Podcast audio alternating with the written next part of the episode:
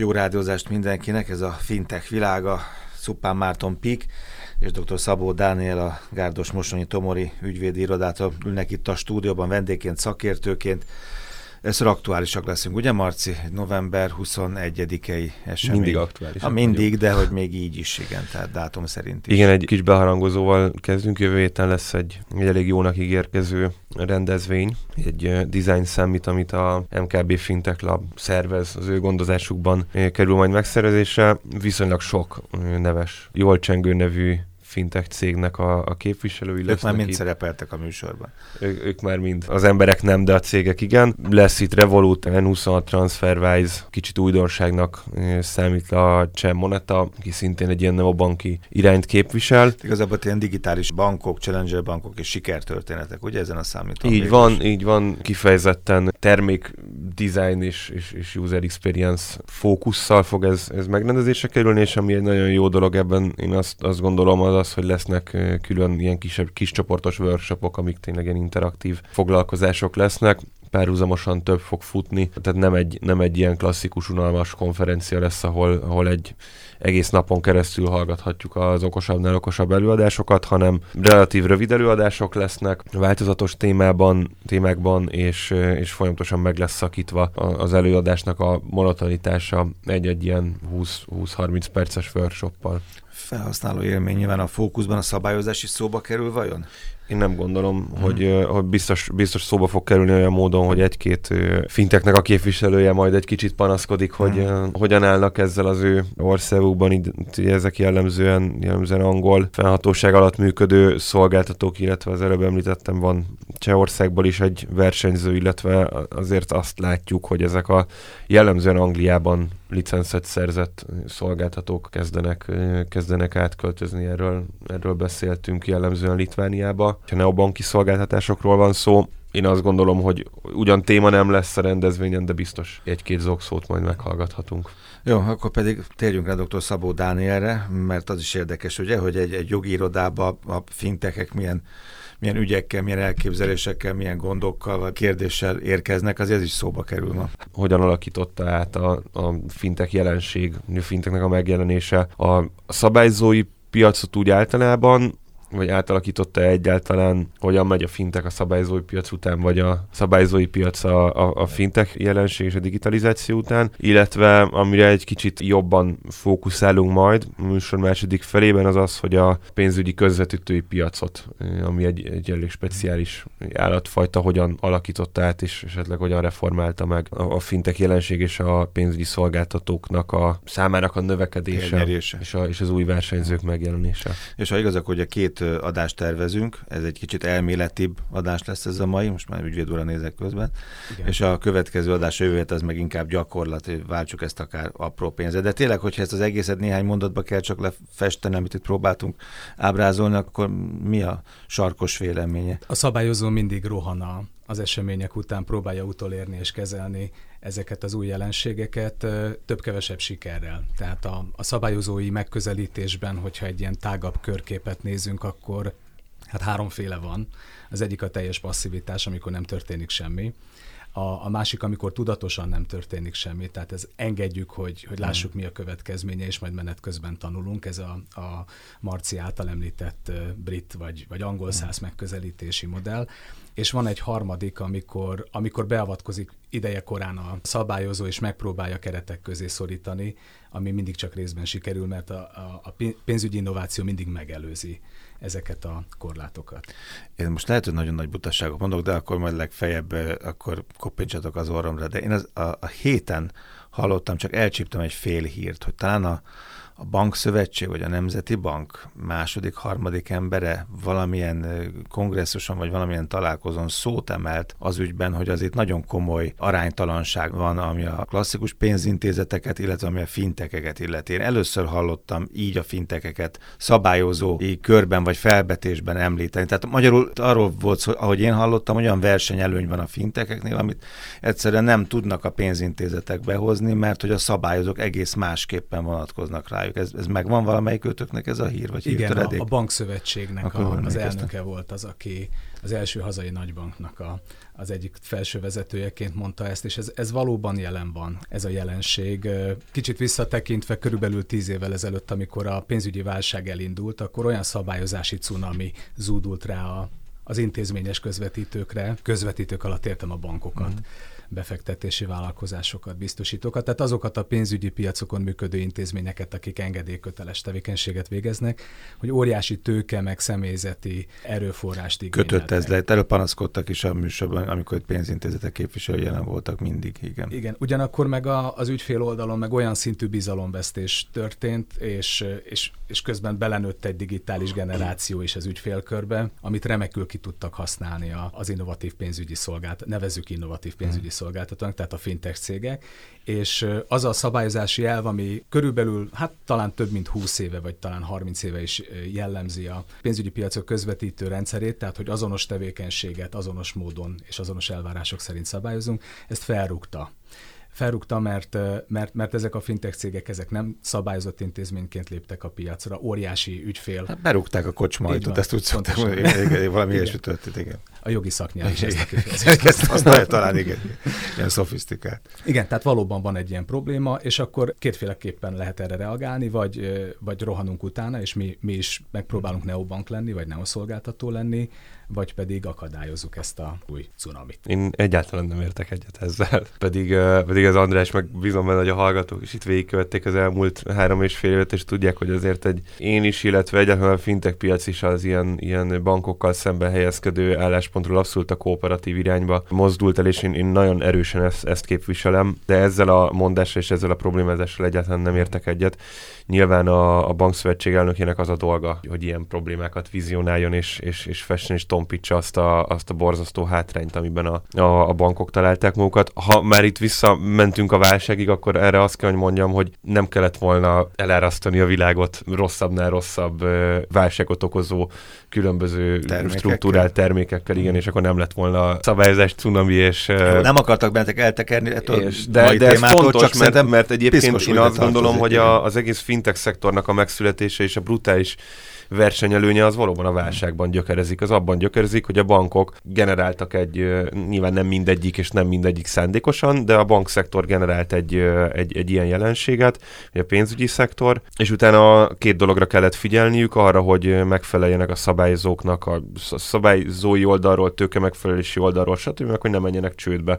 Közben megjött egy olyan digitalizációs hullám, minden más területen első körben megjelent egy iPhone, stb., amit lekövettek ügyesen startupok, és ebből nőtte ki magát a fintech szektor. Ez, ez tökre megérne egy külön adást vagy adássorozatot. Ami miatt én nem értek egyet egyébként ezzel, hogy, hogy most ilyen, ilyen aktualitásba fordítsuk ezt a dolgot, az az, hogy én szerintem nem, a, nem egy több milliárd tőkeigényű mindenféle tevékenységre jogosítványt kapó nagy nehéz fiókokkal rendelkező pénzintézetnek kell versenyezni egy fintekkel.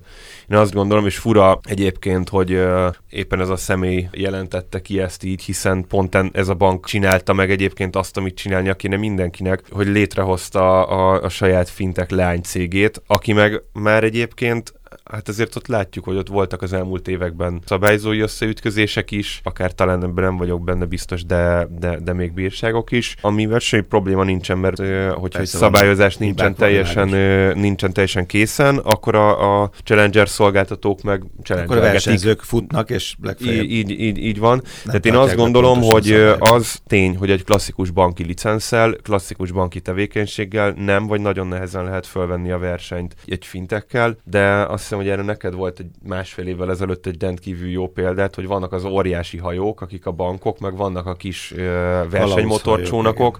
Nem ugyanarra jó a kettő. Tehát több száz vagy több ezer tonna olajat nem kezdünk el szállítani vagy vontatni egy versenymotorcsónakkal, tehát a fintek se akarjon mindent csinálni de nem fogunk elmenni motorcsónak versenyre egy, egy, egy óriás tankerhajóval. Ha beállunk a, a rajtvonalhoz az óriás tankerhajónkkal, akkor, akkor magunkra vessünk. Nem, nem oda való egész egyszerűen. De én azt gondolom, hogy a bankok azt már felismerték, hogy kooperációra szükség van, hogy az ő alapszolgáltatásaikat javítsák, és ez tök oké. Okay. Szerintem nincsenek semmivel kedvezőbb helyzetben a, a fintekek szabályozási szempontból. Bármelyik bank dönthet úgy, hogy holnap bejegyzi a saját AISP, PISP szolgáltatóját leválasztva, láttunk is egyébként ilyen kezdeményeket a magyar piacon. Bármikor dönthet úgy, hogy csinál egy saját elektronikus pénzkibocsátót teljesen kiszervezve cégcsoporton belül, akire pontosan ugyanaz a szabályozás fog vonatkozni, mint egy neobankra. Tehát én szerintem a, a megközelítés, hmm. megközelítés rossz. Az biztos, hogy egy bankra szigorú szabályok vonatkoznak, mint egy pénzforgalmi szolgáltatóra vagy elektronikus pénzkibocsátóra de azt gondolom, hogy nincs, nincs pariban a, a kettő, és nem, nem ennek a két típusú szolgáltatónak kell egymással versenyezni. Ügyvédúrtól hadd idézek egy mondatot. Kaptam egy anyagot, az, hogy hozzánk jogászokhoz remek fintek elképzelésekkel esnek be érdeklődők, és általában mi vagyunk azok, akik a mostani rugalmatlan szabályok miatt a rossz hírhozói leszünk. Itt miről van egészen pontosan szó? Igen, tehát hogy a, ha valaki aktuálisan a magyar piacra be akar lépni valamilyen pénzzel kapcsolatos szolgáltatással, akár kényelmi szolgáltatás, akár érdemi szolgáltatás, akkor ugye a meglévő ökoszisztémában, a meglévő szabályozási keretbe kell valahova illeszkednie, vagy ha nem illeszkedik, akkor végezheti szabadon a tevékenységét. És ezek a fintek megoldások tágabb értelemben ide értve mondjuk a közösségi finanszírozást, vagy a befektetést is, tehát a crowdfundingot is, meg az e-money-t, meg az egyéb ilyen megoldásokat, applikációkat, ezek, ezek vagy súrolják az engedélyköteles szolgáltatások határát, vagy, vagy bele is esnek ezekbe. Még elfelejtettem mondani, talán a legjelentősebb, vagy ami az utóbbi időben nagyon dinamikus, és sokan jönnek hozzánk kérdéssel a robot tanácsadás. Hmm. És ezek, hogy az utóbbi példánál maradva, a robot tanácsadás például a mai magyar jog alapján, a magyar belső szabályozás alapján azért kockázatos tevékenység, mert annyira tágan implementáltuk az Európai Uniónak a befektetési ajánlásra vonatkozó szabályát, hogy egy, egy statikus adatközlés, vagy egy, vagy egy árfolyam grafikon, egy csárt honlapon való megjelenítése is minősülhet engedélyköteles befektetési elemzés pénzügyi elemzésnek. Tehát ez, ez egy olyan korlát, ahol például az uniós jog nekünk tágabb teret engedne Magyarországnak, de ettől mi nem térünk el. Egyébként azt hozzá kell tennem, hogy a, a szabályozói oldalról a legdinamikusabban, a legtöbbet ezzel a kérdéssel kérdéssel a felügyelet foglalkozik. Tehát a Magyar Nemzeti Banknak vannak olyan jogalkotási produktumai, mondjuk a, a szabályzói homokozóról, vagy az Innovation Hubról szólván, ahol próbál ehhez idomulni, próbál rugalmas lenni, de a jogi akadályok azok egy szinttel, minimum egy szinttel följebb, tehát miniszteri hmm. rendeleti szinten vagy törvényi szinten jelentkeznek. Ezeknek a, a jogszabályoknak kellene a módosítását elérni ahhoz, hogy fintek barátabb legyen a szabályozás. Tehát mondjuk jönnek a fintekek, bekopognak az ügyvédekhez, a szakemberekhez, és akkor lepattannak, hogy hát ezt most nem lehet, ezt így nem lehet, igen. Ezt Magyarországon nem lehet. Igen, illetve lehet, a, lehet, lehet, csak, de akkor... csak egy engedélyes szolgáltató hmm. kell. Mondjuk egy robot tanácsadóhoz kell egy minimum 50 ezer eurós induló tőkével rendelkező befektetési tanácsadási licenszer rendelkező céget alapítani, két ügyvezetővel, akik megfelelően kvalifikáltak, gyakorlottak. És általában ilyenkor az érdeklődők azt mondják, hogy hú, akkor nem. Jobb esetben azt mondják, akkor körülnézünk az EU másik országaiban, hmm. lásd balti köztársaságok, vagy azt mondják, hogy, hogy akkor várunk, amíg összegyűlik akkor a tőke, ami ezt számunkra hmm. lehetővé teszi. Én is nagyjából ezt látom, hogy kicsit a, a itt, hogyha már a sandboxot megemlítetted, akkor uh, ott azért azt látjuk, és, és olyan visszhangok vannak a piacon, hogy ide, ide azért fintekek nem nagyon tudnak be. Ez lenne a célja, de hogy, de hogy egy kicsit úgy fölé van a pozíció, vagy kalibrálva, igen, tehát sajnos ez nem, nem egy igazi segítség a finteknek. Az tény egyébként, hogy az MNB-ben vannak olyan ö, hangok és vannak olyan irányok, akik, ö, akik fintek barátak, vagy legalábbis, legalábbis ö, felismerték azt, hogy nyitottnak kell lenni erre a, jelenségre. Hogy picit megnézhetnénk akár a különböző ilyen engedély kategóriákat, szinteket, hogy, hogy, hogy tényleg, mert az előbbi nagyon élesen véleményt formáltam, az, hogy nem, nem csak banki licenszel lehet ezt csinálni, de hogy mégis, mégis mik vannak itt, meg ezek hogyan tagozódnak. A piacra lépés az, az vagy valamilyen engedélyes szolgáltatóként történik, ugye ez a nagy pénzügyi piaci ágazatoknál a, a pénzpiac, a tőkepiac, a biztosítási, a pénztárak piaca, az alapkezelők piaca, a biztosítások piaca játszik szerepet. Ugye ezek, ezek a legnehezebben megugorható szintek, tőkekövetelmény, személytárgyi technikai feltételek miatt. Az engedélyes szolgáltatók mellett azonban lehet kapcsolódni is, akár közvetítőként, ügynökként vagy alkuszként. Ez egy egyszerű megoldás, itt sajnos nem egységes a szabályozás, illetve lehet kiszervezett tevékenységet végzőként is kapcsolódni valamelyik meglévő intézményhez engedélyköteles tevékenységet végző szolgáltatóhoz. Ugye ez, ez a két olyan út, ami, ami most, ahogy én látom legalábbis a gyakorlatban működik, tehát vagy mondjuk egy informatikai szolgáltatóként kiszervezett tevékenységet végzőként szerződik egy bankkal. Tehát szatellitként akkor igen. Így van, igen. Így van.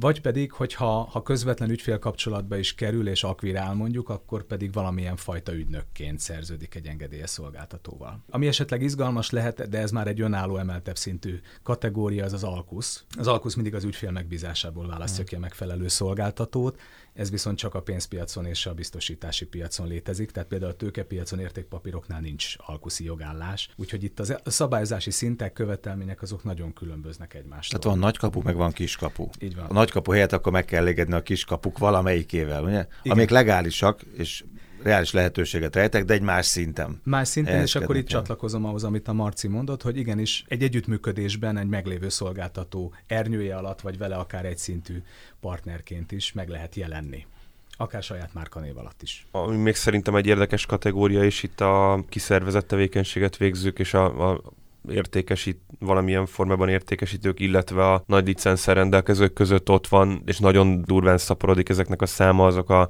az elektronikus pénzkibocsátók, illetve a pénzforgalmi szolgáltatók. Ma Magyarországon ebből ugye egy elektronikus pénzkibocsátóból egyet látunk, ez a Barion, de a legtöbb neobank, akikről, akikről szó volt itt az elmúlt három évben, az, az elektronikus pénzkibocsátóként tevékenykedik, Revolut, Monzo, N26, stb. Aztán ezek már elkezdték upgrade a, a licenszüket. Olyan nem látunk, akik teljes banki licenszre eh, ment volna föl. Itt vannak különböző kategóriák, azt mondta, hogy Magyarországon van-e, a, a balti államokban, kifejezetten Litvániában látunk ilyet, hogy Special Banking License, ez megint egy, egy tökéletes példája annak, hogy uh, milyen új igények jelentek meg, akár ügyfél vagy új szolgáltató. igények, és akkor új kategóriákat hozunk létre. Így van, hát ez kb. úgy kellett, hogyha mhm. jól tudom, akkor, uh, akkor, akkor Litvániában talán 5 millió euró tőkét, tehát egy ilyen 1,6-1,7 milliárd forintot kellett tenni alaptőkének, hogyha valaki egy bankot szeretne csinálni a Special Banking License-hez, ami annyit csinál egyébként, hogy azok közül a tevékenységek közül, amikre a banki licensz feljogosít, bizonyos típusúakat lehet csak végezni,